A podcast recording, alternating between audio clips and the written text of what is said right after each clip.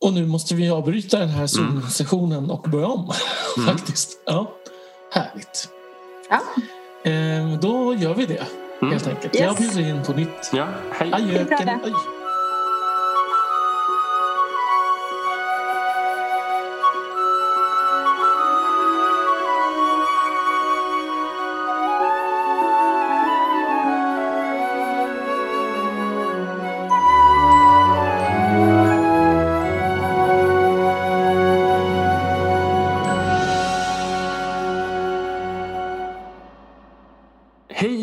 välkomna till det 46 avsnittet av Tolkienpodden. Eh, och nu är vi en bit in i 2021. Eh, tyvärr så behöver vi fortfarande på grund av rådande omständigheter spela in eh, på distans. Men vi hoppas att ni har tålamod med det ett tag till eftersom ni ju alla vet hur läget är just nu. Ehm, idag så kommer vi att prata om ett tema som är ganska viktigt för Midgård. Vänskap. Ehm, och ett tema som Tolkien tar upp gång på gång men som man kanske inte ehm, som man inte tänker på i första hand ändå, tänker jag. Att det är inte det, är inte det mest diskuterade ämnet. Nej. Undrar om det beror på vilka det är som diskuterar mest högljutt. Jag tror det. Det skulle kunna vara att det är den typen av tema som är lite underliggande och som Mm. inte kanske tilltalar den klassiska nördgruppen på det sättet. Jag vet Mm. inte. För, för jag tror att jag kan se på Twitter att många Många ändå tar upp det här, liksom att, att de pratar mycket om liksom relationerna. Men det är liksom en helt annan grupp av läsare än de som pratar om liksom, kanske om språken och ehm, krigen och Mm. eh, liksom, dvärgars rustningar och så. En sympatisk grupp skulle jag säga. Ja, Elisabeth känner, identifierar sig här. ja. Jajamän. Mm. Och nu inser jag också att vi har glömt att presentera oss. Vi gick rakt in i vad vi skulle prata om. Eh, vi som gör den här podden är alltså som vanligt tre personer. Eh, Adam, Elisabeth. Och Daniel. Och även om vi kanske började komma in lite där på temat så har vi ju faktiskt en liten eh, punkt att avhandla först som vanligt, eller hur? Eh, jo men då så Adam. Då är det alltså dags för dig att ha Tolkien-tipset. Varsågod.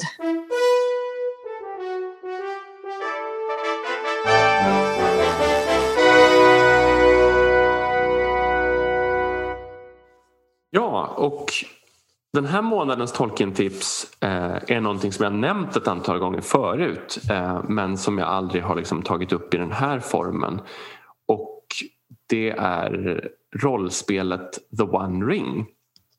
Ehm, och anledningen, eller anle, huvudanledningarna till att jag väljer just den här månaden är två. Det ena är att andra utgåvan av spelet kommer ut relativt snart. Det är svårt att få exakta uppgifter om när men någon gång under året i alla fall. Ehm, troligen första halvan av året. Och det andra är att jag igår var med i eh, en inspelning av en annan podd eh, som heter Spelhyllan där en av våra lyssnare, Pontus Kjellberg som har en egen podd eh, om just rollspel intervjuade mig kring varför jag tycker om det här spelet och lite om så här rollspel som skildrar Midgård i stort. Och därför så kände jag att det var ett tema som låg nära till hands. Um, och man kan väl säga så att rollspel um, kanske de flesta som lyssnar på den här podden har någorlunda koll på vad det är. Men man, om man skulle försöka sammanfatta det på något sätt skulle man väl kunna säga att det är en, någon sorts mellanting mellan spel och improvisationsteater. Alltså att man samlas några stycken. Mer traditionellt så är det en person som är spelledare som liksom har förberett eh, bakgrundshistorier och sådär och har, kan ett regelsystem och de andra spelarna liksom antar roller av personer i den här världen som man nu, vilken man nu spelar i. Och det finns ju alla möjliga sorters rollspel, inte bara till exempel fantasy. Um, och Sen använder man oftast tärningar eller andra liknande metoder för att liksom avgöra hur olika handlingar går eh, medan spelledaren liksom guidar spelarna fram genom världen och spelarna tar sina beslut som sina rollpersoner kan man säga. Det är väl en jättekort eh, sammanfattning av vad bordsrollspel är om någon inte känner till det. Jag tycker det var en, en bra träffande sammanfattning. Mm. Tack. Och jag då som inte hållit på med rollspel undrar ju, vinner man? Mm, generellt inte. Alltså man kan säga att det finns, nu ska vi inte gå in i en jättedjup diskussion om det här för det går att prata länge om. Men man kan säga så här, i mer traditionella rollspel, alltså de äldre och framförallt kanske i en mer amerikansk tradition så ligger rollspel närmre brädspel på så sätt att spelarna liksom försöker vinna ett äventyr i högre utsträckning medan liksom många rollspel på senare år har gått mer mot att tänka på det som ett sorts samberättande. Eh, att man skapar en historia tillsammans och att spelledaren är mer av en regissör och spelarna är skådespelarna bara att de har större, ehm, vad ska man säga, större ehm, valmöjligheter kring sina karaktärers eller sina rollpersoners beslut än vad vanliga skådespelare skulle ha. Um, och sen finns det till och med så kallade indie-rollspel som testar helt andra former där man eh, inte ens har en spelledare utan man hittar på tillsammans och skapar utifrån olika regler. Och det finns vissa rollspel som är väldigt regeltunga, alltså flera hundra sidors regelbok och andra som går att sammanfatta på ett blad. Eh, så det finns en stor variation av hur rollspel fungerar. kan man säga. Mm. Och var befinner sig det här? Eh, det här skulle jag säga att befinner sig mm, alltså li, det, det, befinner sig någorlunda i mitten skulle jag säga. Men, eh, för det, det har ganska många traditionella element men det är ändå ett förhållandevis smidigt rollspel som har liksom tagit intryck av många saker. Av de liksom, moderna tankar som finns i rollspelsvärlden om hur man eh, skapar ett spel. Och man kan väl säga så här att det går ju att rollspela i Midgård med alla såna här gamla system, Dungeons and Dragons, Drakar och Demoner. Alltså, de är ju en sorts spelsystem och det är klart att spelledaren bara kan klistra in Midgård liksom, och använda det här systemet och spela där och det har ju folk gjort i lång tid och det finns också äldre Lord of the Rings baserade rollspel några stycken som vi inte kommer gå in på nu. Men mitt problem med många av dem har varit att jag tyckt hela tiden att det har funnits en sorts diskrepans mellan reglerna och världen. Att det finns det, det, det gnisslar och skär sig lite grann när ett regelsystem som inte är gjort för att skildra Midgård ska liksom appliceras på Midgård. Och det jag tycker att det här spelet har gjort väldigt bra är att många av reglerna är byggda just för att skapa Tolkiensk stämning, skapa Midgårda äventyr och så vidare. Ehm, och man, man, kan väl säga till exempel, så jag kan ge några enstaka exempel. Ehm, en sak är att spelet har en viktig viktig eh, mekanik som man brukar säga i rollspelssammanhang som, som är, kallas för hope points och shadow points. Och det bygger på att när man som spelare är i en farlig situation och försöker göra någonting viktigt och slår ett slag och misslyckas så kan man använda sig av så kallade hope points som man har. Och det är liksom att man använder sig av det här liksom hoppet om att besegra ondskan eller att liksom uppnå någonting det här mot alla odds som vi har pratat om ibland hos Tolkien. Och, och då får man lägga till en bonus till slaget och få bättre sannolikhet att klara det. Men Eh, när man, när man, om man begår onda handlingar eller befinner sig i, i områden besmittade av mörker så drar man på sig så kallade shadow points. Och de här två balanseras mot varandra. Så om shadow pointsen börjar liksom överstiga hope pointsen så hamnar man i problem. Och det gör att man eh, gradvis för, alltså, får lägga till negativa personlighetsdrag till sin, spelledare, eller sin spelperson. Så till exempel så det finns ett gäng olika så här liksom grundarketyper som finns hos Tolkien som man kan välja på i början. Och beroende på vilken sån man väljer så har man olika svagheter. Och om man har dragit på sig för mycket shadowpoint så liksom utvecklas man negativt åt det hållet.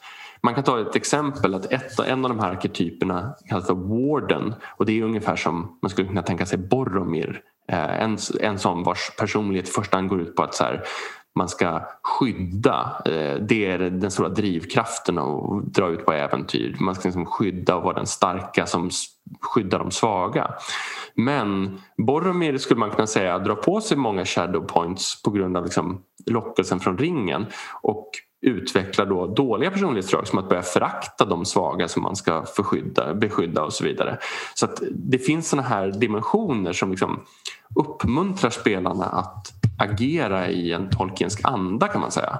Så att det blir ett stort problem för en om man börjar agera omoraliskt vilket är helt okej okay i många andra rollspelssystem där det är ja, inte alls konstigt.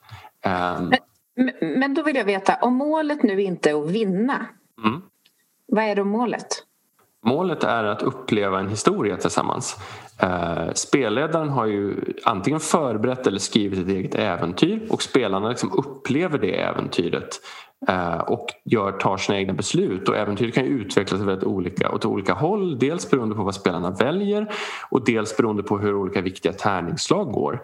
För att historien fortsätter ju framåt oavsett om, om man lyckas kasta sig över den här muren eller inte lyckas så tar ju historien vägar åt olika håll. Och, eh, så tang, det är ju en sorts, en sorts spel där syftet i första hand är att uppleva spelet kan man säga.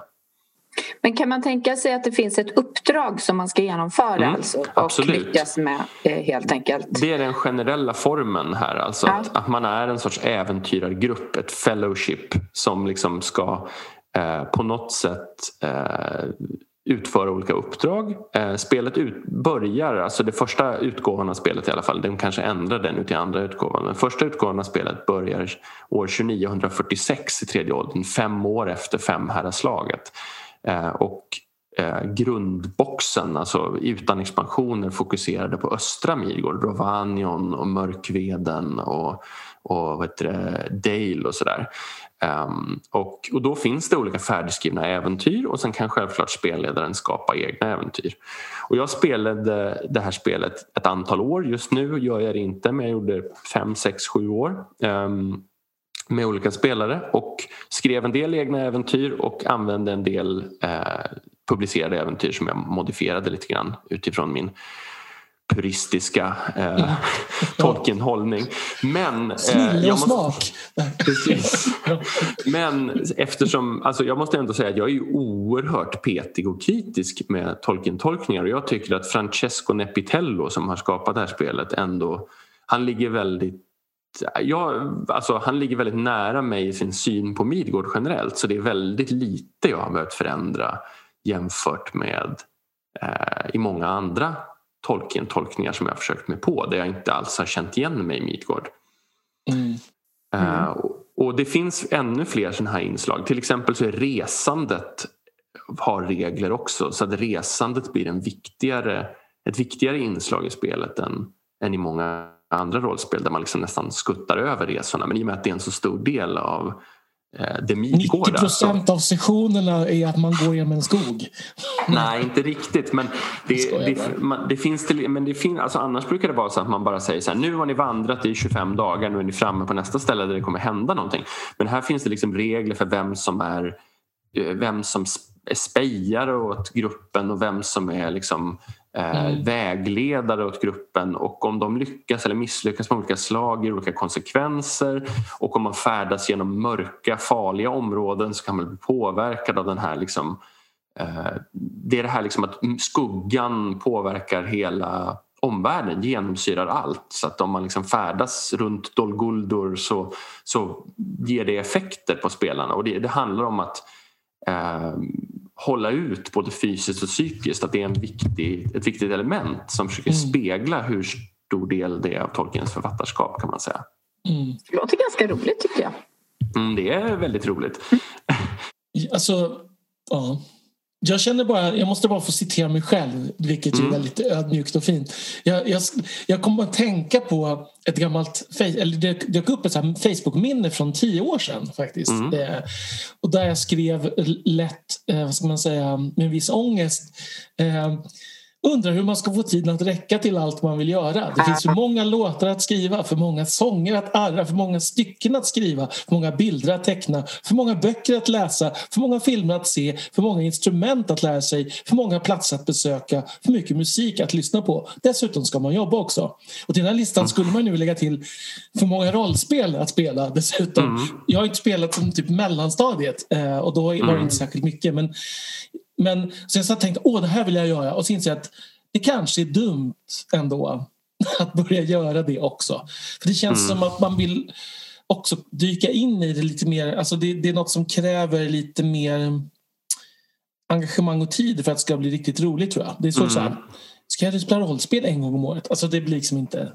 Nej, alltså en gång om året är nog lite för lite men no, alltså grejen är att den här typen av rollspel skulle jag säga, där som ändå är traditionellt på så vis att spelledaren har en viktig roll. Mm. Där behöver, det kräver inte lika mycket av spelarna. Sen finns det en del mer moderna rollspel där där man har mer delat ansvar för liksom världsbygget och alltihopa. Och då måste man vara lite mer liksom initierad och ha lite bättre koll tror jag för att mm. det ska mm. fungera bra. Men här är det så att jag har ju spelat det här för folk som nästan aldrig har spelat rollspel förut några gånger som har kommit in i det ganska fort. Ja, men då, då undrar jag, hur långt, vad pratar vi för tids... Det väljer man helt själv. Alltså så här ett Många, alltså de, de här äventyren som jag spelade, de var, då spelade vi ofta fyra timmar i stöten. Men det var ju bara för att vi valde fyra timmar. Eh, man kan spela kortare eller längre sessioner om man vill det. Och sen så ett enskilt äventyr brukade ta mellan tre och fem, sex sådana träffar innan det var färdigt. Och sen så fortsatte man med samma personer och spelade nästa äventyr som knöt an i en, så att säga, en kampanj. Så att första äventyret jag spelade utspelades då 2946 och sen så, så har man en, en period där spelarna liksom är hemma och sådär och sen återträffas de 2947 och så finns det ett nytt äventyr och så vidare. Och sen kan man liksom, har jag knöt jag in det här i Tolkiens kanon så när liksom Dol Guldur återtas av de skolorna så blir det en del av handlingen och man liksom springer på olika personer som man känner igen från, från böckerna och sådär. Och då, då kanske jag landar där, där Danne landade där. Eh, eh, fyra timmar, vad sa du, fem till sex gånger? Alltså jag skulle säga att det första äventyret jag spelade det tror jag tog tre stycken fyra timmars sessioner men det var ett väldigt kort äventyr. Jag har ju spelat ett annat äventyr, i, alltså inte i det här spelet utan ett Lovecraftianskt äventyr som jag skrivit själv under det här året eh, med en spelgrupp över eh, Discord och Zoom och då, då tror jag att det slutade på 9-10 fyra timmars sessioner innan vi var färdiga. Det skulle, för mig så låter det som ett så här fyraårsprojekt. Mm, men, det, här, eh, det här tog ett antal månader då. Men, Femårsplaner. Men, men det är ju det här som är grejen. Med, jag brukar också alltid klaga på det här att man vill, eh, man vill ha mer tid. Jag har alldeles för många intressen. mm, mm. Ibland önskar man att man kunde liksom ge några intressen till, till människor som inte verkar ha så mycket intressen. Så man liksom blev av med några saker man tyckte var intressanta. Um... Men jag har liksom insett att jag kan inte göra saker halvhjärtat. Jag, om jag tycker något är roligt ska jag göra då måste jag gå in i det på riktigt. Jag förstår, och, precis. Mm. Så, ehm, och det här är ju bara ett av många, många rollspel som jag har spelat eller spelat eller läst eller så. så att och då har jag, äger jag dessutom ett hundratal brädspel och ett, ett hundratal datorspel och eh, en, ett helt skåp fullt med Warhammer-figurer och så här. Så att det här är bara en av många grejer som konkurrerar om tiden. Precis, jag äger också väldigt mycket saker. sen, sen ska man ha tiden att, att att använda dem. Använda dem, precis. Mm. Jag äger också jättemycket dataspel till exempel men, men det är försumbart lite tid jag spelar. Liksom. Mm. Jag tänkte, det där verkar kul och så köper man det och sen så ligger det där fem år senare. I... Men jag, det handlar ju alltid om någon sorts liksom, tidsprioriteringar. Jag tror Daniel till exempel det här med att du, du har ju massor med tid som du lägger på till exempel musik och sen tror jag att du tittar mer på tv-serier än vad jag gör till exempel och filmer. Mm. Och det, mm. ja, någonstans så kompromissar man alltid mellan så. olika saker. Mm. Och då kan man bli arg på sig själv för att man gör fel dessutom. Okej. Nej, men... Jo men absolut. Ja, fel val. Jag skulle ju ha skrivit en symfoni istället för att titta på en tv-serie. Typ. Ja precis. Fast å andra sidan så får man väl försöka vara lite generös mot sig själv när det gäller sånt. Mm, det borde vi alla bli bättre på. Men det man kan säga sammanfattningsvis i alla fall att jag tycker att det här är den klart bästa rollspelstolkningen av Midgård som har gjorts. Eh, och det finns ett i antal tidigare. Det, det finns ett från 80-talet som heter eh, Middle Earth Role Playing som gavs ut på svenska i nedbantad version som heter Sagan om ringen rollspelet. Och det har jag men jag har aldrig mm. spelat det. Nej, det, det skulle jag säga är en usel Midgårdstolkning eh, mm. enligt mm. mig. Eh, det är typiskt när man tar ett annat system och bara copy-pastar det ovanpå Midgård och det inte går ihop. Eh, sen finns det ett Ehm, som släpptes runt tiden för, ett officiellt som släpptes runt tiden för filmerna som är, eh, av ett företag som heter Decipher Um, som heter Lord of the Rings The Role Playing Game och det verkar helt okej. Okay. Jag har aldrig spelat det men jag äger det. Uh, ganska generiskt system. Eh, funkar säkert helt okej okay, men jag tror inte det kommer ge samma Midgårdskänsla. Och sen finns det till exempel ett litet indie-rollspel som heter There and Back Again som verkar väldigt trevligt som jag aldrig har spelat men där reglerna är två sidor. Um, och, men där, det är ju riktat mot folk som har spelat rollspel tidigare för att de förklarar ju liksom ingenting utan det utgår från att man förstår många av de grundläggande grejerna redan. Eh, det är därför de får plats på två sidor, reglerna. Men, ehm, men absolut, men jag tycker att det här är det bästa jag har provat i alla fall. Och det gav, första utgåvan, den som jag spelat mycket, den gavs ut av ett företag som heter Cubicle 7 men sen blev det någon sorts kontraktsbråk för några år sedan kring det där så att de bröt det och nu kommer andra utgåvan som kommer ut snart under året ges ut av det svenska rollspelsföretaget Fria Ligan. Så det ska bli intressant att se hur de förändra förändrar spelet. Så att skaparen Francesco Nepitello är kvar och liksom utvecklar det men i samarbete med ett annat företag. Ja, någon gång kanske man kommer att testa ändå alltså. Mm, ja, vi får väl se. Det, det, går ju att anpassa så att man kan, göra, man kan skriva ett eget miniäventyr som går att blåsa igenom på två timmar och sen aldrig prova igen. Liksom, så det, det handlar ju bara om att i så fall jag, som vilket jag antar som spelledare skulle få, liksom an, skulle, skulle få anpassa spelupplevelsen så att den skulle bli kort och enkel och lättillgänglig. Till exempel att skapa rollpersoner innan så att man inte måste göra det själva och se till att det bara blir en eller två sessioner och sen så kan man, behöver man aldrig spela igen. Så man måste inte spela långa kampanjer. Det är ju anpassningsbart. Det kanske är någon sån variant som skulle funka för mig. Mm. Ja, mm det, är alla, det, det, det är kanske bra som smakprovsversion i alla fall så kan man se vad man tycker om och göra det. Liksom. Det, man ska det verkar inte... kanske dumt att kasta sig in i en så här 40 timmars kampanj och sen inse att det här var inte så kul. Eh, ja. Ja, nej, ska vi inte ja, nej, men så, att, så The One Ring, eh, håll utkik efter andra utgåvan eh, som troligen verkar komma ut under året. Men annars så är även första utgåvan ett väldigt bra spel. Eh, vi får se vad andra utgåvan gör, gör för regelförändringar men det, det, vet jag inte riktigt än. Jag har bara sett lite rykten så jag vill inte riktigt basera på det förrän jag har läst det, den slutprodukten. Jag får du berätta om i ett senare avsnitt. Mm, absolut, mm. det ska jag göra. Tack för det här tipset, jättespännande. Verkligen. Och om ni då vill höra mer om det här så ska ni lyssna på Pontus Kjellbergs podd Spelhyllan om ni är rollspelsintresserade redan. För där går ju jag och han in i mycket större detalj. Och avsnittet med mig kommer att släppas första mars har jag hört. Eh, så om man, om man vill ha lite mer, eh, vad ska man säga, djupgående analys av det här spelet så är det ett bra tips.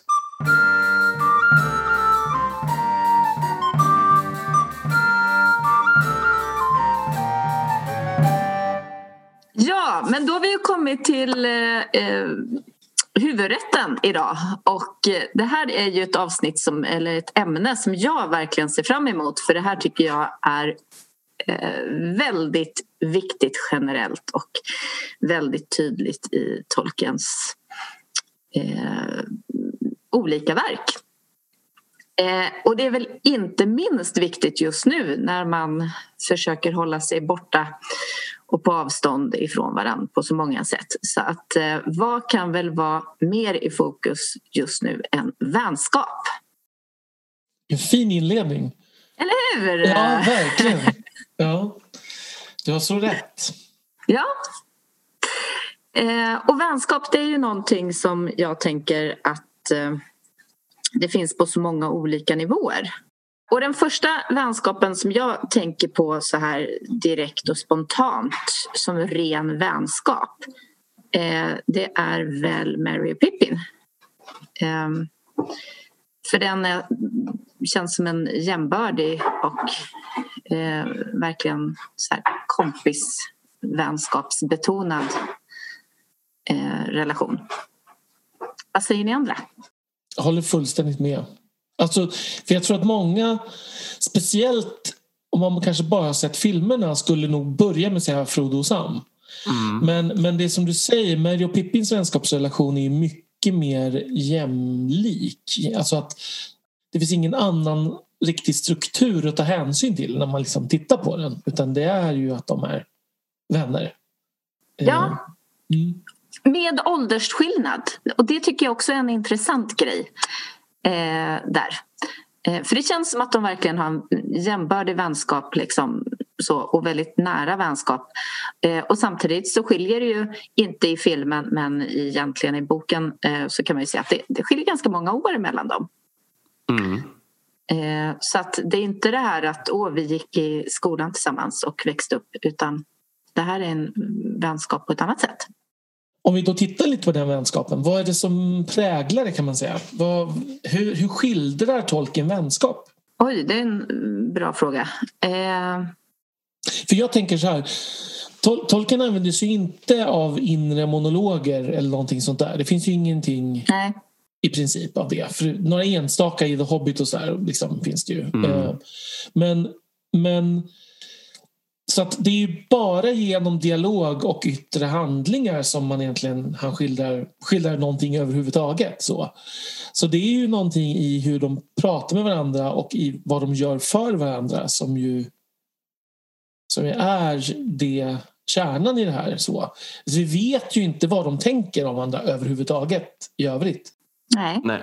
Det är väl, alltså ett bra exempel är väl hur konspiratörerna ställer upp för Frodo när, när de avslöjar sig i huset i Bockrike. Liksom att de, de förstår att Frodo har liksom ett farligt uppdrag och att de visar genom handling att de är beredda att följa honom. så att säga. Mm. Eh, så precis som du säger så tycker jag att liksom, vänskap i handling eller att uppleva saker tillsammans. Att, eller att vara beredda att offra sig för varandra är en, liksom, ett viktigt inslag i att skildra den vänskapen. Mm. Och jag misstänker att det här är någonting som bottnar väldigt mycket i tolken själv. För jag tror också eh, att han skulle säga att vänskap är ett otroligt viktigt tema i böckerna.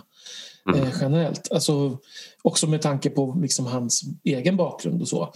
Men jag tror också att eh, om man nu ska säga klichébilden av, av en britt vid den här tiden så kanske man inte heller faktiskt pratar så mycket om vad man känner för sina vänner eller vad man känner i stort. Ehm, mm. Även om han kanske gör det mer än många andra just i sina brev så här, till exempel. Men så tänker jag att att just det är det att det är inte så att Mary och Pippin pratar hela tiden om att Alltså du vet ju att du är ju min allra bästa. Alltså det är, inte, det är ju väldigt lite, lite där man liksom yttrar de här sakerna. Där är det mer mellan Frodo och Sam, helt klart. Mm. Att de fast, fast, det kommer ju ändå fram väldigt tydligt och, och även i uttryck när, eh, när de skiljs åt. Ja, Ja, alltså det kommer ju fram men han, det är inte så att någon säger till den andra det, det, jag vet inte, det är inte så att de står och uttrycker sina vänskapskänslor för varandra särskilt mycket utan det är mer att det är hur, i reaktion och så än, ja. än vad de faktiskt mm. säger. Och det där har man ju kanske ändrat lite på i filmen där, de, där det är lite tydligare uttryckt. Ja, ja mm. jag, tror att, jag tror att det är där man gärna blandar in och det är ju helt rimligt också för att, för att det ska få samma liksom, effekt för en tit modern tittare behöver man kanske uttrycka det mer.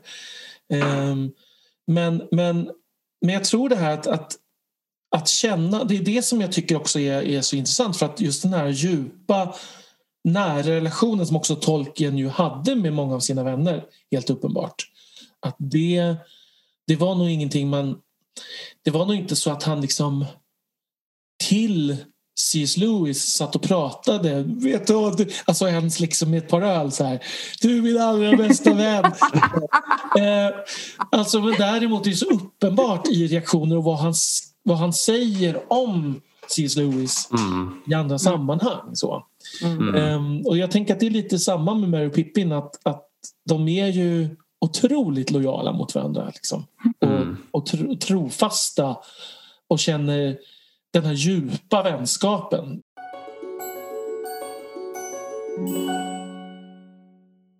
En an, ett annat tema som jag tycker kommer in centralt är ju det här att det är manlig, ganska intensiv vänskap i många fall som och då menar jag manlig som är mellan män och inte vid någon sorts här maskulint sätt utförd vänskap. Utan, men alltså att jag, jag upplever ju att många moderna läsare nästan blir, hajar till lite grann över det. Att det är så ovanligt att skildra mm. stark och nära manlig vänskap. Så att eh, det finns ju en väldigt stark tendens, alltså delvis på skämt men delvis på allvar, liksom tolka Tolkiens karaktärer i liksom homoerotiska eh, termer. Det, mm. det har, har, man ju sett oerhört många gånger. Och Verkligen. jag tänker att det Ja, jag tror, och det, är inte, det säger jag inte alls för att jag tänker att det är liksom, man inte får tolka det så men jag tror inte alls att det finns där från hans sida utan jag tror att det helt enkelt är så att manlig vänskap som han skildrar den har varit så tabu i många mm. kretsar så att man omedelbart tolkar det i sådana termer. Alltså som när, när Frodo ligger i Sams knä med huvudet. Alltså det är en sån där sak som inte alls hade nödvändigtvis tolkats som sexuell om den hade, det hade varit två kvinnliga karaktärer. Tänker jag. Jag tycker att det här, ja, precis, den här, exakt den här läsningen skulle jag säga är otroligt vanlig eh, på Twitter om man hänger där. Alltså mm. att det är mycket liksom att och då, jag tror inte ens att den är på skämt utan jag tror att mm. den oftast, nu för tiden i alla fall, är helt på allvar. Och jag tycker, och jag, som sagt, alltså det, det är en läsning som man gärna får ha och det har ingenting med någon slags hbtq-fientlighet att göra men det, har, men det problemet är, tycker jag, att man i så fall gör en läsning som innebär att män kan inte vara så nära vänner och det tycker jag är mer skadligt än att det gör någon slags att det finns en, en öppen tolkning i det. Alltså att det, mm. det ska finnas en, en öppenhet för, för homosexualitet vilket ju självklart är fantastiskt bra. Men varför kan inte män få vara så nära vänner? Och där, alltså jag, tyck, jag tror att den skadar verket mer än att, den, att det gör det öppet för en modern läsning. Liksom. Mm. Men är inte det nästa steg? om man tänker så lite samhällsutveckling, då på den, när det här skrevs så var kanske homosexualitet så pass avlägset i, i, som, som diskussion, liksom, som ämne. Mm. Så att då fanns det en till, eh, tillåtelse att kunna uttrycka manlig vänskap. Eh, och det var självklart att det handlar bara om vänskap. Eh, när man uttryckte det på det viset sådär eh, och sen kan man ju givetvis slänga in att det finns massa eh, litteratur som har ja, men tar upp sånt eh, och kanske har blivit eh, ifrågasatt och författare har blivit eh, arresterade och allt möjligt. Så här, liksom. Men, men det fanns ändå inte ett ifrågasättande kring vad det, vad, vad det handlade om i, i, för det mesta. Vilket idag så är det mycket mer självklart eh, med homosexualitet och då finns det en större ja, att man tolkar in det även när, när det handlar om vänskap och då har man dragit bort sig lite från att vilja ha, ha med sånt om man inte tänker att det ska vara det det handlar om. Så det kanske är nästa steg, att det, att det faktiskt blir öppet för, för både och på ett annat sätt. Mm. Ja, för det där, jag tänker liksom Sherlock Holmes och Dr Watson som går arm mm. i arm längs Londons gator. Det skulle man nästan inte kunna filma, filma så idag utan att det skulle bli och där finns, den, där finns, precis, och där är ju också den läsningen väldigt vanlig å andra sidan.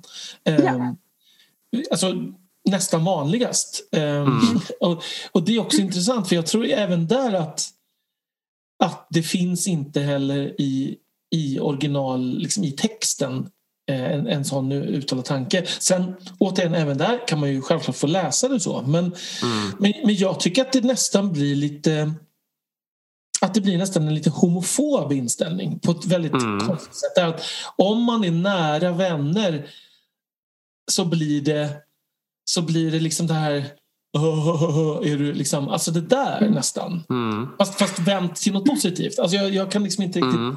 Nej, men det är ju just det att det är som att det inte ska finnas det fulla spektrumet av manliga relationer som är både vänskapsbaserade och eh, liksom sexuella mm. på samma sätt som kvinnor ska få ha det spektrumet. Liksom. Eh, och det är ju att, jättesorgligt. Ja, det är oerhört sorgligt. Eh, men jag tänker att det också finns något väldigt anakronistiskt i det. Liksom att man, man läser in den egna tidens mm associationsbanor. Eh, alltså, nu, nu, bara kommer jag på ett helt annat spår som jag tycker är lite likadant apropå det här med hur man kan skildra saker. Men alltså gråtande och män är ju också någonting som liksom är väldigt tidsbundet. Att idag så säger det någonting annat om, om man skildrar män som gråter. Även om det självklart så här, det har gått framåt på den fronten. Men alltså, till exempel, det var jättevanligt att gråta på 1600-talet. När Sverige förlorade så här, landområden stod hela riksdagen och grät. Liksom, så här. Om någon skulle göra en film om Karl X Gustav idag och liksom, alla adelsmän står och gråter över att man förlorat eh, Ven. Liksom. Det, det skulle tolkas, det här är helt absurt absurt. Alltså det är någon sorts humor. Men det, det jag menar är liksom så att vi lägger så mycket våra filter på mm. olika epoker och att liksom omtolkar så mycket som att ja, men det är självklart att det här är homosexualitet för att i vår tids tolkningsram så betyder det här homosexualitet. Och jag tror mm. att det är väldigt viktigt att ha den liksom det filtret över all förståelse av sånt som inte är samtida och som är från andra kulturer och all, allt möjligt sånt. Men det här, och det här är inte heller unikt för vår tid för alla tider lägger ju alltid sitt filter ja, över alla tider. Det är omöjligt att inte göra det tror jag. Ja, Fast ja. jag skulle hävda ändå att det går att att det går att nyansera bilden genom att lära sig mer om tidigare mm. perioder till exempel om man pratar historiskt. Verkligen. Men det sorgliga är ju egentligen att det filtret ser ut som det gör. Ja. Tycker jag. Alltså det är klart att man lägger in ett, ett filter från den referensram som man har men vad sorgligt det är att det är det som är referensramen idag. Det, men det är ju också, ja visst, man kan väl se det som att det är också ett filter som bygger på att vi har tagit stora steg framåt ja. i homosexualitet. Alltså så måste man ändå säga. Att det, mm att det är tack vare de framstegen som man kan göra den här läsningen. Mm. Jo, men det, det var det jag var ute efter i det här med att det kanske är nästa steg är att i utvecklingen eller synen i referensramarna är att det går att nyansera det. Mm. Mm. Men, men, men, och samtidigt kan man ju vända det här till... För att om man, om man vidgar vyn ännu lite mer så är det, finns ju en irritation, förståelig irritation över att manlig vänskap också varit ett väldigt förhärskande tema i, i böcker och filmer och sådär. Alltså, mm. um, och, att, och att kvinnlig vänskap Alltså att man kan ju ta, använda det här Bechdel-testet då till exempel för att kolla kvinnors funktioner i till exempel i filmer. Eh, och mm. att kvinnlig vänskap sällan är eh, alltså i många sammanhang är något man inte skildrar och inte är intresserad av att skildra. Så att det finns ju också irritationer varför, ska, varför just liksom buddy movies och så ofta handlar om män. Mm. Men jag skulle ändå vilja hävda att den här typen av väldigt intim manlig vänskap ändå inte är så vanlig. Um, Nej. Trots att manlig vänskap ju är ett vanligt tema, helt klart. Mm. Det är det ju. Um, men, men det, det skiljer sättet... på ett annat sätt. Ja, mm. exakt.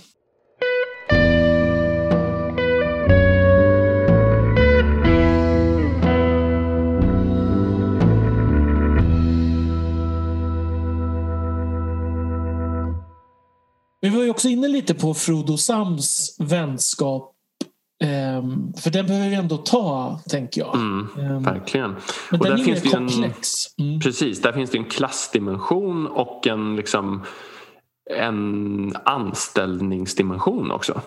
Uh, att liksom Sam är ju i princip, Frodo är ju i princip hans uppdragsgivare och husbonde. Så det är ju inte en relation som, som är utan makt. Och det, jag tycker att den speglar, alltså den har vi pratat om många gånger att det speglar det här med liksom eh, en officerare och, och, hans underordnade från första världskriget. Men man kan också säga att liksom i ett bredare perspektiv kan man se det som det här hela det engelska samhällets konservativa grundbult på något sätt med den lojala, liksom, det lojala folket mot en liksom, högre klass på något sätt. Lite Tolkiens konservativa syn på samhället, hur han tycker att det ska fungera. Liksom den goda överheten och den lojala underheten om man kan säga så. Men, men, i det här får man också säga att Tolkien ju låter Sam genomgå en helt fantastisk klassresa om vi nu ska... Mm, verkligen. Alltså, så det, det är också ett tecken på och Tolkien skriver, återigen, det är ju inte explicit för Tolkien skriver inte om det här men men är, man måste ju ändå säga att det växer fram en vänskap mellan Frodo och Sam. Alltså mm. det är bara... I slutet är ju inte Sam bara Frodos anställda längre. Nej, nej, nej. Nej, absolut inte. Eh, utan även om det börjar så och att Sam mer följer med av lojalitet mm. så, så är det ju så att i, slutändan är ju Sam Frodos arvtagare. Eh, mm. och, och det är ju en det tror jag är en, var en ganska djärv, om man liksom ska börja analysera det ur ett mer konservativt perspektiv, måste det ha varit en ganska djärv tanke. Mm. Det var nog inte så många liksom, herrgårdsägare i liksom, slutet av 1800-talet i England som lät sin trädgårdsmästare ärva allting. Det Nej. kan inte vara en så vanlig situation. Nej. Men... Nej, men det är väl det som gör relationen intressant också. Att det finns en, att det finns en eh, vad ska man säga, dialektik eller liksom, eh, alltså ett samspel mellan två olika relationer där samtidigt. Och återigen, där har vi också, jag tycker det är, jag gillar det här att, att han har um, människor som kommer nära varann med helt skilda ursprung och förutsättningar för att Eh, de kommer både från olika eh, klasser och eh, olika förutsättningar från början men också, och olika åldrar. Mm. Alltså det, finns, det finns så många aspekter som de gör att de ändå kan mötas. Mm. Och här tänker jag att Tolkiens liksom krigserfarenheter är ett relevant jämförelseperspektiv som vi liksom snuddade vid lite innan. Att jag, jag tror att det finns en sån dimension av det här liksom, att uppleva det hemska och farliga och, och liksom prövande tillsammans är en extremt liksom sammansvetsande faktor som, som går över alla de här gränserna och som Alltså det här med fellowship som film, den här filmen Tolkien gjorde en stor grej av med TCBS. Det är ju ett tema som mycket att liksom, det brödraskapet håller ihop och det är den inre lojaliteten och det är först när den raseras som brödraskapet faller samman och det är liksom eh, det är en katastrof just där och då. Um, Sen visade det sig att det behövs i slutändan men jag tänker ändå att det temat är, alltså att första boken till och med heter Fellowship, The Fellowship of the Ring är ju, mm.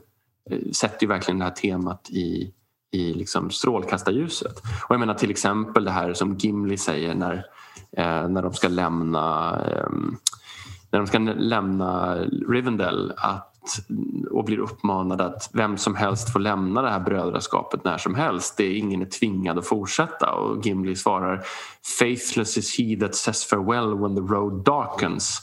Det känns väldigt mycket som att det är hämtat ur Tolkiens erfarenhet av liksom sammansvetsande brödraskap och hur viktigt det är i kris. Liksom. Mm. Och där kan man ju också tänka att hans första lilla klick eh, före de gick ut i krig där mm. var, det, det, var en ganska homogen grupp förhållandevis. Mm. Eh, och sen kom de här erfarenheterna som liksom breddade i hans liv. Och sen eh, hur det såg ut efteråt eh, med, med de här som eh, träffades och eh, hittade kanske varann. De var väl i något eller betydligt mer eh, ja, från olika håll och kanter även om de alla hade eh, ja, Oxford och studier och sånt gemensamt säkert. Eh, Ja, de var ju alla högt uppsatta akademiker. Så att... ja, men, ja, men precis. Fast kanske i olika... Det fanns väl liksom flera generationer eller åtminstone två generationer som var med på de där mm. träffarna. Eh, och så. Jag tänkte på den här klassaspekten. Jag satt och funderade på var, var tolken liksom själv passar in i den här om man nu ska jämföra med Frodo och Sam och Mary och Pippin. För att jag tänker ju att hans TCBS-gäng eller om man tänker tolken själv, det är den här mystiska aspekten eh, av, av engelska klassamhället att det har egentligen inte har att göra med pengar utan det har med ursprung. Liksom. Mm. För tolk, familjen Tolkien, när, när Tolkien växte upp, hade, levde väldigt knapert. Så. Mm. Men ändå tillhör de ju inte någon slags arbetarklass. Liksom. Ja, de har inte så mycket fransk... mindre pengar än, en, än många i en arbetarklassfamilj. Mm. Liksom. Men det är den franska teoretikern Bourdieus olika typer av kapital. De hade gott om kulturellt kapital mm. och liksom olika typer av symboliskt kapital, det vill säga utbildning och sånt där. Alltså att det är andra saker som väger upp för att man inte har ekonomiskt kapital. Exakt. exakt. Men jag undrar liksom var han själv placerar, om man liksom om man ska placera in dem i, i, det här, i, i hans egen värld så att säga. Um, mm. Var han hamnar i det här. Men han, man får ändå en känsla av att han någonstans på något plan identifierar sig liksom med Frodo. Alltså, ja. Um, Men jag tror att han ser alltså att han såg sig ju som en del av en sorts liksom, eh, bildad medelklass. Det skulle jag säga. Mm. Definitivt. Och det representerar ju Frodo i stor utsträckning i, i berättelsen upplever jag. Mm. Med eh, Mary Pippin då som, som en överklass ju. Mm. Um, men ja, så att, och det är ju en aspekt man inte heller pratar om och det som absolut inte finns i filmerna är liksom att, att Mary och Pippin tillhör, att de tillhör den här härskande klassen. Mm. Att de kommer från en finare bakgrund än Frodo ja. Mm. Ja precis. Um, och även om men, men det var ju ganska intressant, det såg jag nog också faktiskt på Twitter eller om det var Facebook, något socialt medium att hur The Hill, alltså där eh, Bilbo och Frodo bor um, mm. i filmen har reducerats till en ganska liten kulle. Liksom så här. Men om man tittar på eh, Tolkiens egen liksom, illustration av Hobbiton så är The Hill enorm, alltså dominerar mm. hela, hela liksom, byn får man säga. Mm. Vilket ju ger en, hel, en helt annan eh, klassdimension till det här. Att mm. The Hill det är liksom de där uppe på kullen som har det fett. Eh, det är verkligen mm. påtagligt. Men tittar man på filmerna så, så är det inte alls så. Eh, utan det är bara att visst, det är en kulle han bor på men det är inte större eller finare så mycket än än många andra bostäder. Och den här, så den här, jag har faktiskt aldrig tänkt på det att hur den här Tolkiens illustration visar familjen, liksom, eller Bilbos liksom ändå maktposition i mm. Hobbiton.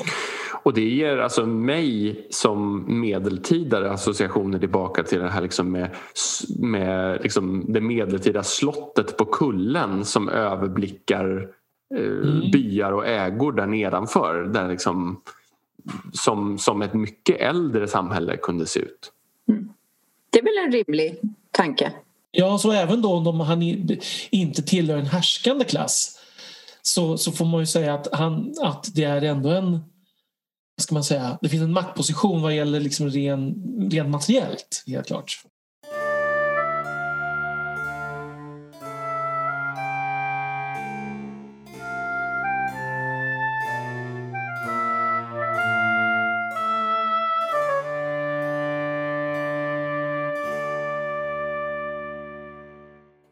Och om vi går tillbaka lite längre i tiden så skulle vi kunna titta på till exempel Torino Beleg som ett exempel. Um, där, där jag tänker att det är en annan typ av mer, mer klichéartad manlig vänskap skulle jag säga. Mm. Uh, de är också någon sorts så vapenbröder men det är, det är mycket mindre innerligt än vad det blir i The Lord of the Rings kan man säga. Den, en del. Verkligen och, och din... mycket mindre innerligt på många sätt. Ja, nu är det ju så att om man av misstag orsakar någon annans död så betyder inte det att man hatar dem för det. Mm, nej, det är väl sant. Det, tycker jag är en väldigt konstig tolkning. Att det är, att det är en undermedvetet så här, aggression. Det är freudiansk tolkning av Torin här. Liksom, nu, nu, nu, vet jag inte, förtjänar, är han så trevlig mot Beleg annars? Det är väl det. Just Beleg tycker jag han som är den enda som han inte har gjort någonting fel mot. Han har avfärdat och återvänt till Dorias en gång. Vad, vad i övrigt har han gjort någonsin mot Beleg som inte är rätt? Ja, nej du, du, kan, du kan ha rätt. Du har ju definitivt läst det där mer än vad jag har så att jag får ta dig på orden. Jag skulle säga att Torin Torambar är ju en karaktär som, är liksom, som har väldigt svårt med relationer med alla andra. Just Beleg är väl den enda som, som... Och jag tror att det är därför Tolkien väljer att döda Beleg just för att det är Torins liksom mest oproblematiska relation faktiskt. Mm. Det är ju en, en, svår man att vara vän med troligen. Mm, verkligen. Det är som att vara vän med Hamlet eller... Ja, ja precis. Han hade ju för sig också en vän. Ja. Mm jag kan tänka att det är lite mer arketypiskt för att även här är ju allting mellan raderna men deras relation går i princip bara ut på det här liksom eh, att strida tillsammans, att vara trogna mot varandra i, i, vapen. Det är den enda dimensionen som läsaren riktigt ser. Vapenbröder. Precis, och, och, det är väl också kopplat till Tolkiens krigserfarenhet säkerligen men det känns ändå som att den är mycket det är möjligt att han tänker sig att, att det finns en annan dimension men den får vi... Alltså Silmarillions och The Children of Horins mer krönikartade stil visar ju inte alls sådana scener heller. Liksom. Mm. För att det påminner mycket mer om en gammal krönika eller en gammal saga och då, då, då är allt sånt fullständigt implicit. Alltså ännu mer än det, de relativt implicita exempel vi redan har diskuterat också. Mm. Och inte så intimt heller väl? Nej. Det är väl en traditionell manlig vänskap på det sättet att man, man umgås kring en aktivitet. I det här fallet att slå ihjäl orker. Snarare än att diskutera stryktips. Ja, ja exakt. Ja. ja. Mm. Fin parallell. Mm. Nej, men förstår ni vad jag fiskar efter? Här? Absolut. Mm. absolut. Mm. Och um, jag kan tänka mig att liksom Eh, man skulle ju också kunna fundera på om det handlar om Tolkiens egen ut, personliga utveckling. För man, om man tänker att vi, de här två exemplen vi redan har tagit kommer ju från The Lord of the Rings.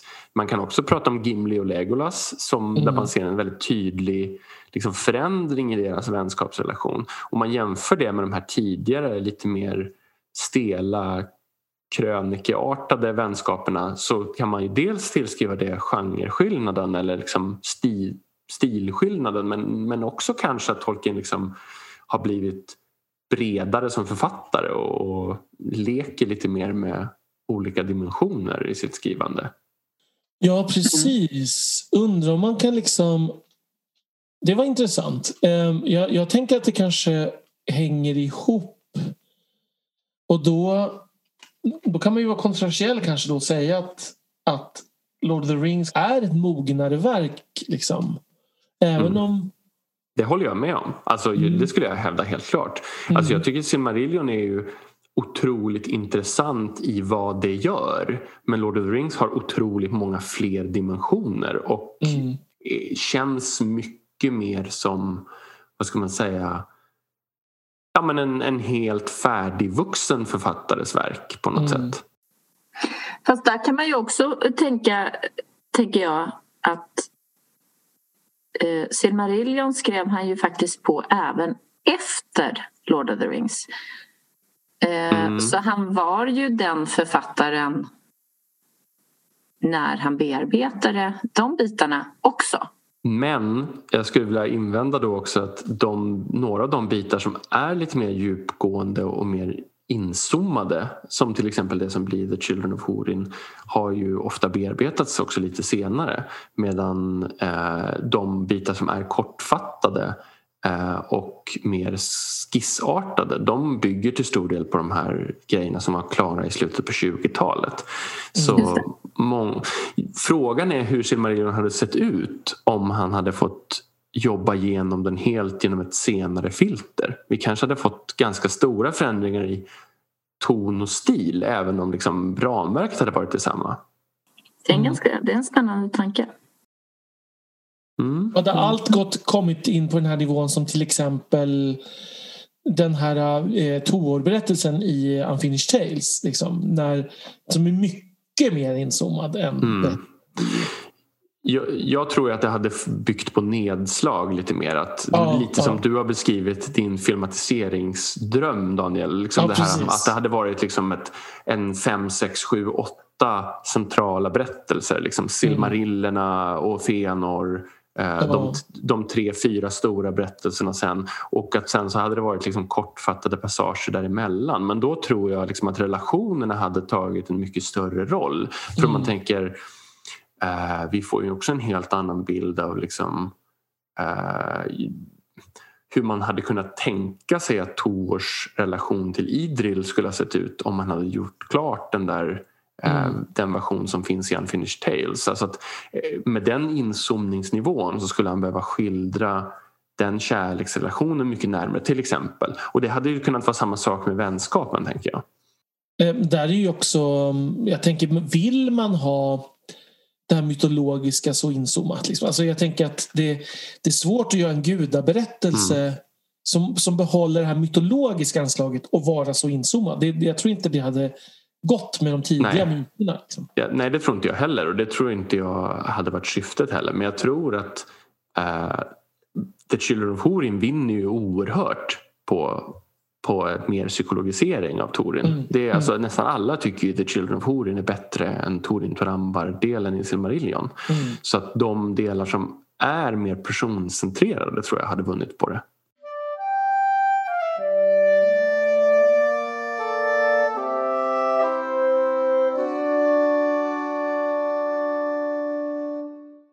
Du tog ju upp Legolas och Gimli där. Eh, jag bollar tillbaka lite till, till dem. Just det här att, att man faktiskt får utveckla någonting. Eh, det är ju någonting som upprepar sig på flera sätt.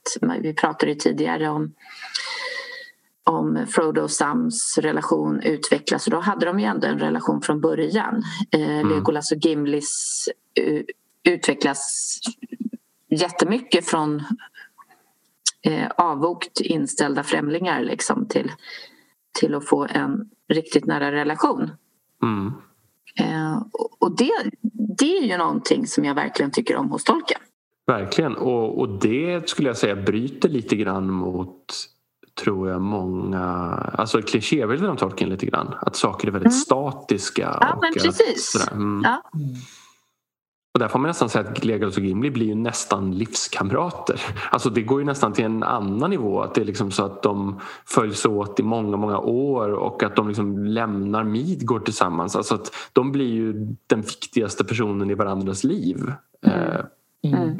Ännu mer än Frodo och Sam nästan skulle jag hävda eftersom Sam ändå bildar familj och att det tar, alltså Frodo säger nu är det dags att lämna över till det här kapitlet i ditt liv.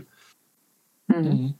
Vilket ju är stort av Frodo eftersom han själv hade... Jag menar, han, han blir ju mer ensam. Men å andra sidan så får de bo hos honom. Så att han blir inte så ensam. Men, men jag tänker på Legolas och Gimli. Det är ju vilka mil det är från relationen mellan liksom dvärgar och alver i Tolkiens tidiga mm. allra tidigaste författande. När de är, också hur synen på dvärgarna är. Um, mm. och, det, och det är också en... Det måste ju också vara en mognadsprocess liksom hos tolken själv det här med vänskap liksom över omöjliga gränser på något sätt. Mm. Um. Och det är väl också det där att, att saker blir mindre statiska, tänker jag. Liksom, att, mm. eh, och, och på alla möjliga dimensioner. För jag tycker att nu när du säger det här då, då får jag snabbt upp i huvudet att man skulle kunna nästan beskriva dvärgarna i fyra stadier i Tolkiens skrivande. Så här, att det finns de riktigt tidiga Silmarillion-dvärgarna som är väldigt nära nordisk mytologi-dvärgar och som är liksom de är inte mer goda än onda. De är verkligen tveksamma skuggfigurer. Och sen mm. finns det de sena Silmarillion-dvärgarna där de, liksom, de flesta verkar luta över mot den goda sidan men de har sina svagheter och sin, liksom, eh, sina egenheter. Och sen så har vi liksom The Hobbit-dvärgarna som som är tydligt placerade på den goda sidan men de är fega och inkompetenta och, liksom och lite, lite komiska dessutom. Ja, komiska ja. och, och liksom giriga och sådär liksom om man tittar på Thorin. Och sen tar det till Lord of the Rings-dvärgarna som, som ju är liksom ett verkligen ett så här brödrafolk till de goda och, och som ändå framställs som att liksom de håller stånd mot mörkret och de är liksom en mm. av de sista pelarna mot undergången. Alltså, det känns som att där har han gått väldigt långt från och sån här, där han håller sig väldigt nära en mytisk inspirationskälla till att han har byggt något väldigt eget som också får inflöden från massa andra håll där man kan liksom öppna gränserna mot annat. Mm. Om vi går tillbaka till ren vänskap. Mm. Eh, hittar vi vänskap, ren vänskap som skildras mellan män och kvinnor. Jag tänker själv spontant på att jag får lite den känslan mellan Gandalf och Galadriel.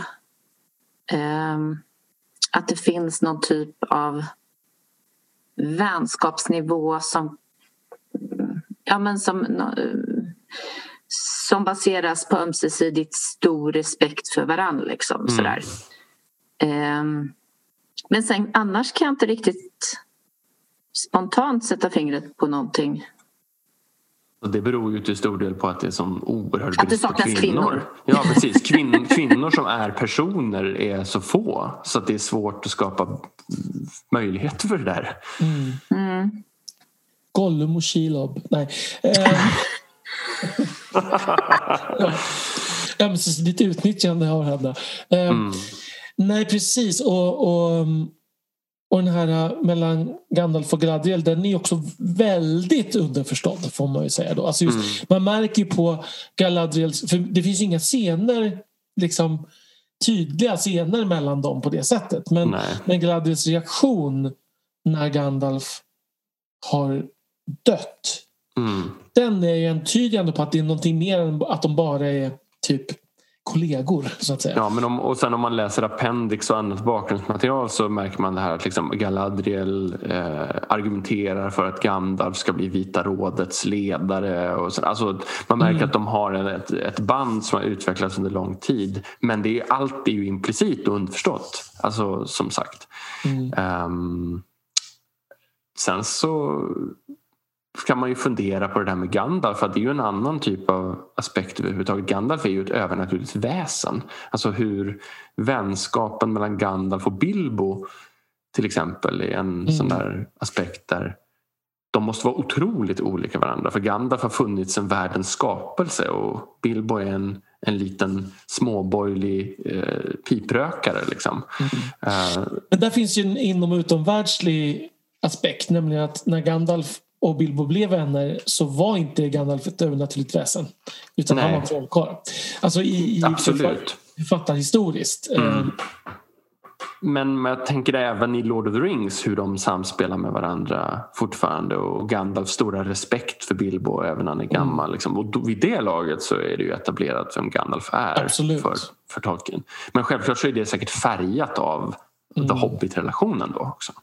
Men det är väldigt fint också. Mm. Alltså att Gandalfs öga och sen generellt för det här att, att uppskatta de små så att säga. Mm. Det låter ju väldigt nedvärderande men, men, mm. men det är det han gör. Mm. Och, och det, man får liksom känslan av att han föredrar ju att, att sitta och röka en pipa med Bilbo egentligen än att, än att typ dryfta viktiga spörsmål med Saruman. Mm. Rent umgängesmässigt. Så. Absolut. Um, och det är väl någonting, om jag återigen går tillbaka till den här tolkningen av eh, Tolkiens konservatism här så kan man väl säga att liksom, den goda överheten är den som liksom ser de, de små här. För man tänker både Gandalf och Aragorn är ju såna här det visar sig för hobbiten att de här st står inom stora citationstecken oändligt långt över oss. De är såna här mm. stora viktiga personer med stora öden och anor och kopplingar och kontakter och det är inte vi och de respekterar och lyssnar på oss ändå. Medan man ser att där kan man ju säga att Boromir eh, lite grann representerar det här liksom föraktet. Framförallt när han drivs av det här med ringen. Att liksom, han ser inte dem som som jämlikar för att han ser sig som starkare. Liksom. Mm. Och ringen eldar på den här sidan. Och då kan man säga att det här är ju någon sorts god och inte ond men liksom en god och en felande överhetssyn hos Tolkien skulle man kunna hävda. Hänger ni med på vad, jag fiskar Absolut. efter? Mm. Mm. Och det är ju samma sak, alltså, så det kan man lite se bland hobbitarna också. Att Bilbo är liksom den goda överheten som känner alla sina underordnade och tjänare och som, som ger dem personliga presenter och som sådär liksom. Och medan eh, liksom eh, Sackville Bagginses och de som liksom tar över sen är den onda överheten som, som trampar på småfolket och, och liksom isolerar sig och som tar in liksom sina egna styrkor för att trycka ner dem. Alltså det, det finns någonting här, liksom Tolkiens syn på hur man ska vara som ledare. Liksom. Bilbo är liksom Downton Abbey. Eh, mm. på något sätt. Det, det, är typ ett... De är såna vänner liksom, fast, fast självklart ändå inte riktigt på riktigt eftersom han står så långt över dem. Liksom. Mm. Men mm. det finns ju någon sån dimension i det här brittiska mm. där. Mm. Tänker jag. Mm. Och då kommer vi, trasslar vi in lite där igen. Men jag tänker ändå liksom att det blir en intressant dynamik som, som blir ännu starkare med Gandalf. För liksom Gandalf är ju liksom en halvgud. Mm. Men det upplever ju inte de.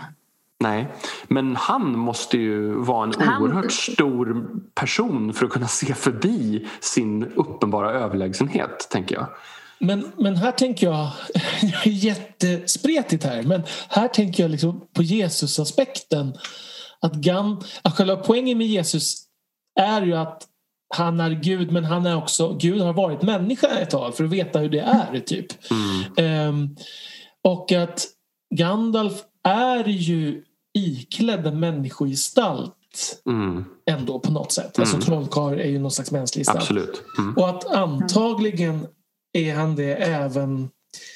Det för med sig en massa saker. Liksom. Mm. Alltså, det för med sig vänskap och känslor och, och liksom trötthet och alltså, mass, alltså massa mänskliga eh, vad ska man säga, mänskliga Drag. aspekter. Mm. Ja men precis. Mm.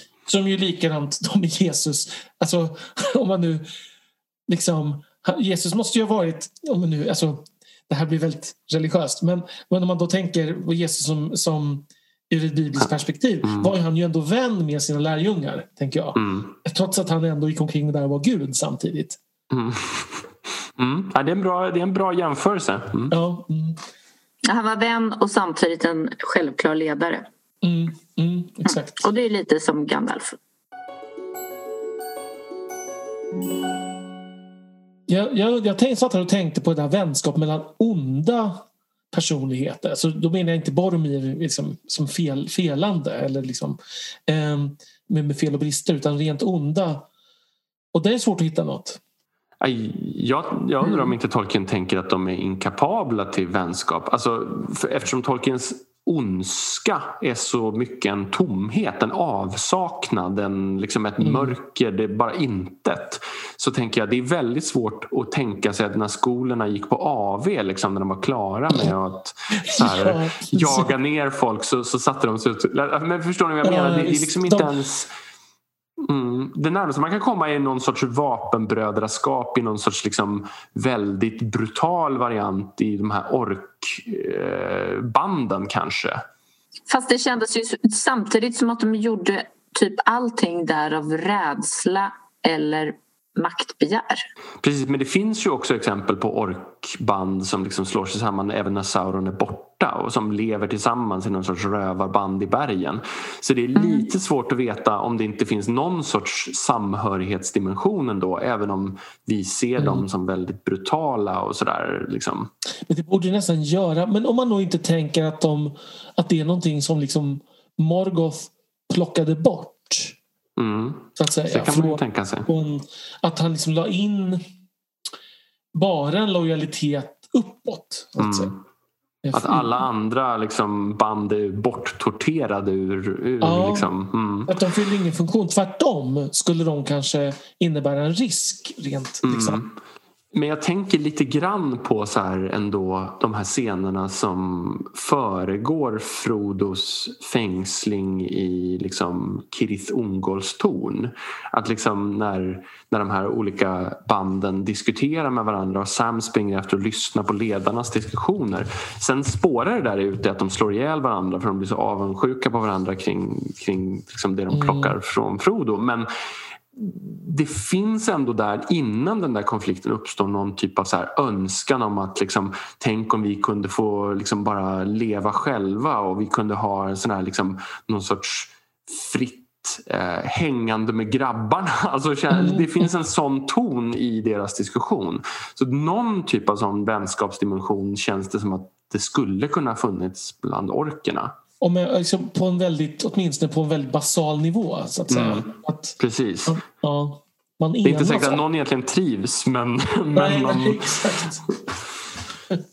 Men, men det är väldigt svårt att tänka sig de här vålnaden och så. De är ju inte personer på det sättet. Nej, Nej precis. Nej, och det är väl en så att det är en glidande skala antagligen då. Att, att de här ultimata ondskan personifierade liksom typ Ja men typ de ringvålnaderna. Men de, de har tappat anta, allt. De har tappat det medan typ en sån som Bill Ormbunke sannolikt kan ha en vän. Liksom. Absolut. Mm. Trots att Ja, precis. Så det är väl det som är att det finns ett spektrum. Men det kanske är så att, att, att ondska är frånvaro av vänskap också. Liksom. Mm. Ja, men jag, jag, jag, kan absolut tänka mig det. Att, liksom att ondska, om, om ondska är tomhet så innebär ju ondska frånvaro av godhet. Och jag skulle nästan garantera att Tolkien menar att vänskap är en aspekt av någon sorts godhet eller en god mm. personlighet. Liksom. Att, att man känner positiva känslor inför andra och liksom ömhet och, och liksom den typ, alltså medlidande, allt sånt där. Och, och då blir det nästan automatiskt så att eh, när, att det liksom börjar raderas ut om den här tomheten tar över istället. Häng, ja, något ja, åt det hållet. Mm. Jag hänger med. Mm. Mm. Och på, på, med den poängen kring mörkret så kanske vi känner oss ganska färdiga. Ja, kanske. Jag tror det. Jag vet inte, är det att sluta på topp? Men å andra sidan så kan man tänka att liksom, det, det, vår stora utmaning i dessa tider är att motarbeta det här mörkret och fortsätta mm. liksom, knyta band till andra människor. Precis. Vara, Vara Lucifer. Precis. Ja.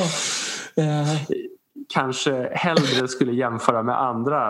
Andra ljusbärare än Lucifer. Tinkalle, ja, Erendil eller Elbereth eller någon så. Ja, ja. Mm. Men, eh, nej, men jag tycker det var intressant för att det här tog ju många sidospår. Men, men så här lät ju kanske våra diskussioner mer innan vi hade en podd. Mm. Ja, absolut. Mm. Precis. Eh, det är inte så många avsnitt som har följt den formen eftersom vi tänker att vi ofta har hållit oss till ett tema. Och här har vi varit lite mindre bundna till temat idag eftersom det är ett ganska öppet tema. Mm. Så nu mm. fick ni inblick här, kära lyssnare, i hur, hur vi har det egentligen. Nej, jag skojar. ja. Men förutom att det, det, skulle kunna säga något om våra diskussioner så kanske det säger ändå någonting om Tolkiens skildring av vänskap också. För att faktumet att vänskapen går att knyta till så många andra nivåer och teman i verken tyder ju på att det är ett väldigt genomgripande tema som liksom går in i och blandar sig med många andra aspekter. Om, om det inte vore så så skulle vi ju inte glida över i de här andra sidodiskussionerna tror jag. Om, om verkets vänskap hade varit mycket mer isolerat från andra dimensioner. Nej, men, och jag tänker på någonting som jag jag hänvisar än, än en gång till Twitter. Eh, att där, där det pågått ganska, men det kan ha att göra med att filmerna släpps igen i den här Ultra HD-grejen. Att, att, att folk pratar mycket om filmer just nu och säger att det här är ju de bästa filmer som har gjorts. För att det, trots alla effekter så handlar det om relationerna mellan de här. Alltså det är ett spännande äventyr men det är relationerna som vi bryr oss om. Mm. Och då, man behöver inte hålla med om det där men jag tror att den botten jag tror mm. att det ändå är för mig också någonting i böckerna som gör att att det kommer ju från tolken. Även om filmerna mm. kan ha förstärkt aspekter och så. Så man har inte förstärkt något som inte finns utan man har Nej. bara lyft fram någonting som redan finns. Och sen kan man tänka sig att man har gjort det på det sätt som du sa tidigare under avsnittet Daniel att um, man kanske har visat det på ett annat sätt för att en publik som möter idag ska relatera till det på, på rätt sätt så att säga medan det kunde vara mer implicit i den tid när det publicerades för att det ja, kom från en annan, ett annat samhälle. Eller?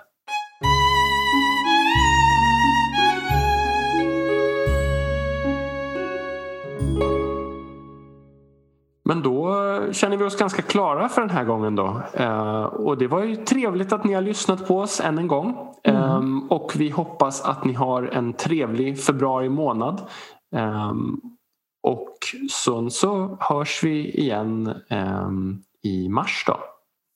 Ja, och då får vi se hur eh, det ligger till i Sverige och se om vi får spela in ett avsnitt till på det här viset eller om vi kan faktiskt ja, som goda vänner sätta oss ner med varsin mm. kopp te i Dannes vardagsrum. Eh, det ja, jag längtar efter det. Nice. Mm, ja, verkligen. Jag med. Mm. Ja, men då tackar vi för oss för den här gången. Eh, om ni vill kontakta oss med frågor eller funderingar eller annan input så kan ni nå oss på tolkienpodden gmail.com eller eh, Tolkienpodden på Facebook eh, eller till och med eh, Tolkienpodden på Twitter eftersom Daniel har refererat till Twitter fyra gånger under det här avsnittet. Så ni märker att åtminstone en av oss är ganska aktiv där. Ja, eh, dock inte, inte på det kontot. Konto. Nej, Nej, precis. Ja. Vi kanske måste se till det. Men vi, vi har ännu ingen Tolkienpodden på Instagram. Vi får se, se i framtiden. Ja. Tolkienpodden på TikTok. Ja, precis. Ja, TikTok-dans. Vilka var de olika palantyrerna? Och så, ja. så här, jag har alltså, aldrig förstått det där. Mm. Mm. ja. Tack så mycket ehm, och ha det så bra. Hej då. Hej då. Hej hej.